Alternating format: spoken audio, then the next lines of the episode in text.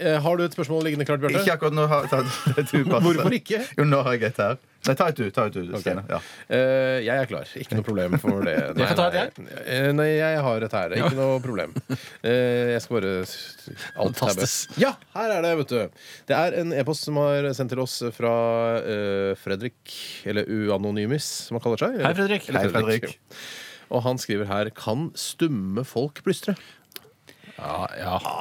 Jeg tror vi kan være enige om det. At stumme folk, hvis de vil Det er ofte sånn at eh, folk blir stumme fordi de har opplevd noe skikkelig fælt. F.eks. For at eh, foreldrene deres har blitt knust i en sånn knusemaskin. eh, på Knusemaskin? Sånn, Ja, sånn der- steinknus- singel- Nei, ikke, Å, nei. ikke, nei, ikke stein- sånn som- Rekepillemaskin? Nei, ikke rekepillemaskin. Jo, kanskje det også. Ja, for det er gøyere. Men da mister du jo bare skallet. ja, men da er vi da Men er det- du fucka hvis vi er mor og Det far vil hvis du også, skal. Ja. det vil Jo, også, hvis foreldrene dine blir skrelt, så vil det også sette et støkk i deg. Kanskje Ja. du blir stum av det. Eh, Men det betyr jo Da ikke at du bare- ikke kan prate. Jeg, jeg Det kan du. anbefaler å pakke det i de inn i Gladpack fortest mulig, og så eh, ta en nål og stikke små hull, så de får puste. for en slags ny hud, ja. En ny hud, ja. En gjennomsiktig hud. Men eh, Så jeg tror definitivt at stumme folk kan plystre. Jeg tror sågar de kan prate. Jeg tror Hvis de har lært å plystre som unge, så tror jeg de kan det også som stumme. Mm. Men eh, jeg tror ikke de kommer til å plystre før de har fått stemmen tilbake. For å si det på den måten Jeg tror ikke du plystrer heller før du har gått et par timer i terapi. eller noe sånt, Så kommer plystringen tilbake igjen. Og så, hvis du har flaks etter en åtte-ti år, så kommer kanskje stemmen At tilbake. liksom psykologen sier sånn Reidar, kan du ikke prøve å plystre litt? grann? Reidar. Ja, Begynn med plystring. Kjempebra. Kan du ikke heller si Reidar, du sang jo så fint, eh, og du og Bitten og Grøten Ja, skal jo ut og Det er reise. fordi Bitten og Grøten har dratt sin vei. At det, at det, det er traumatisk at Reidar da har mista stemmen.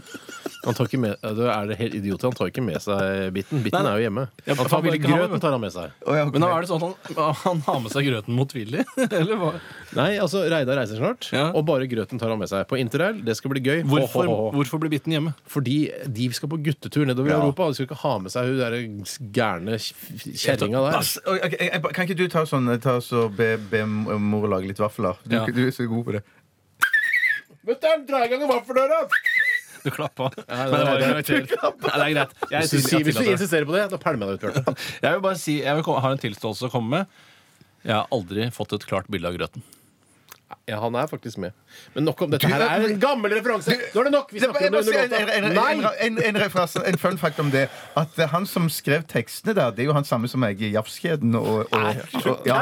er Alf Tande Pedersen. Dette her er for gammelt! raser sammen Det er for gammelt! Vi kan ikke snakke om Reidar og Bitten på P3! Det nytter ikke! Reidar var en kar morsom karakter som s- dukket opp på skjermen innimellom. Han lot som var en tenåringsgutt som satt foran TV-en, drakk Coca-Cola og sa Mutter'n, dra i gang vaffelpressa! Så lagde mora hans vafler til han, og så drakk han cola og levde usunt. Og så var det Øyvind Blunch som spilte Reidar. Det er riktig.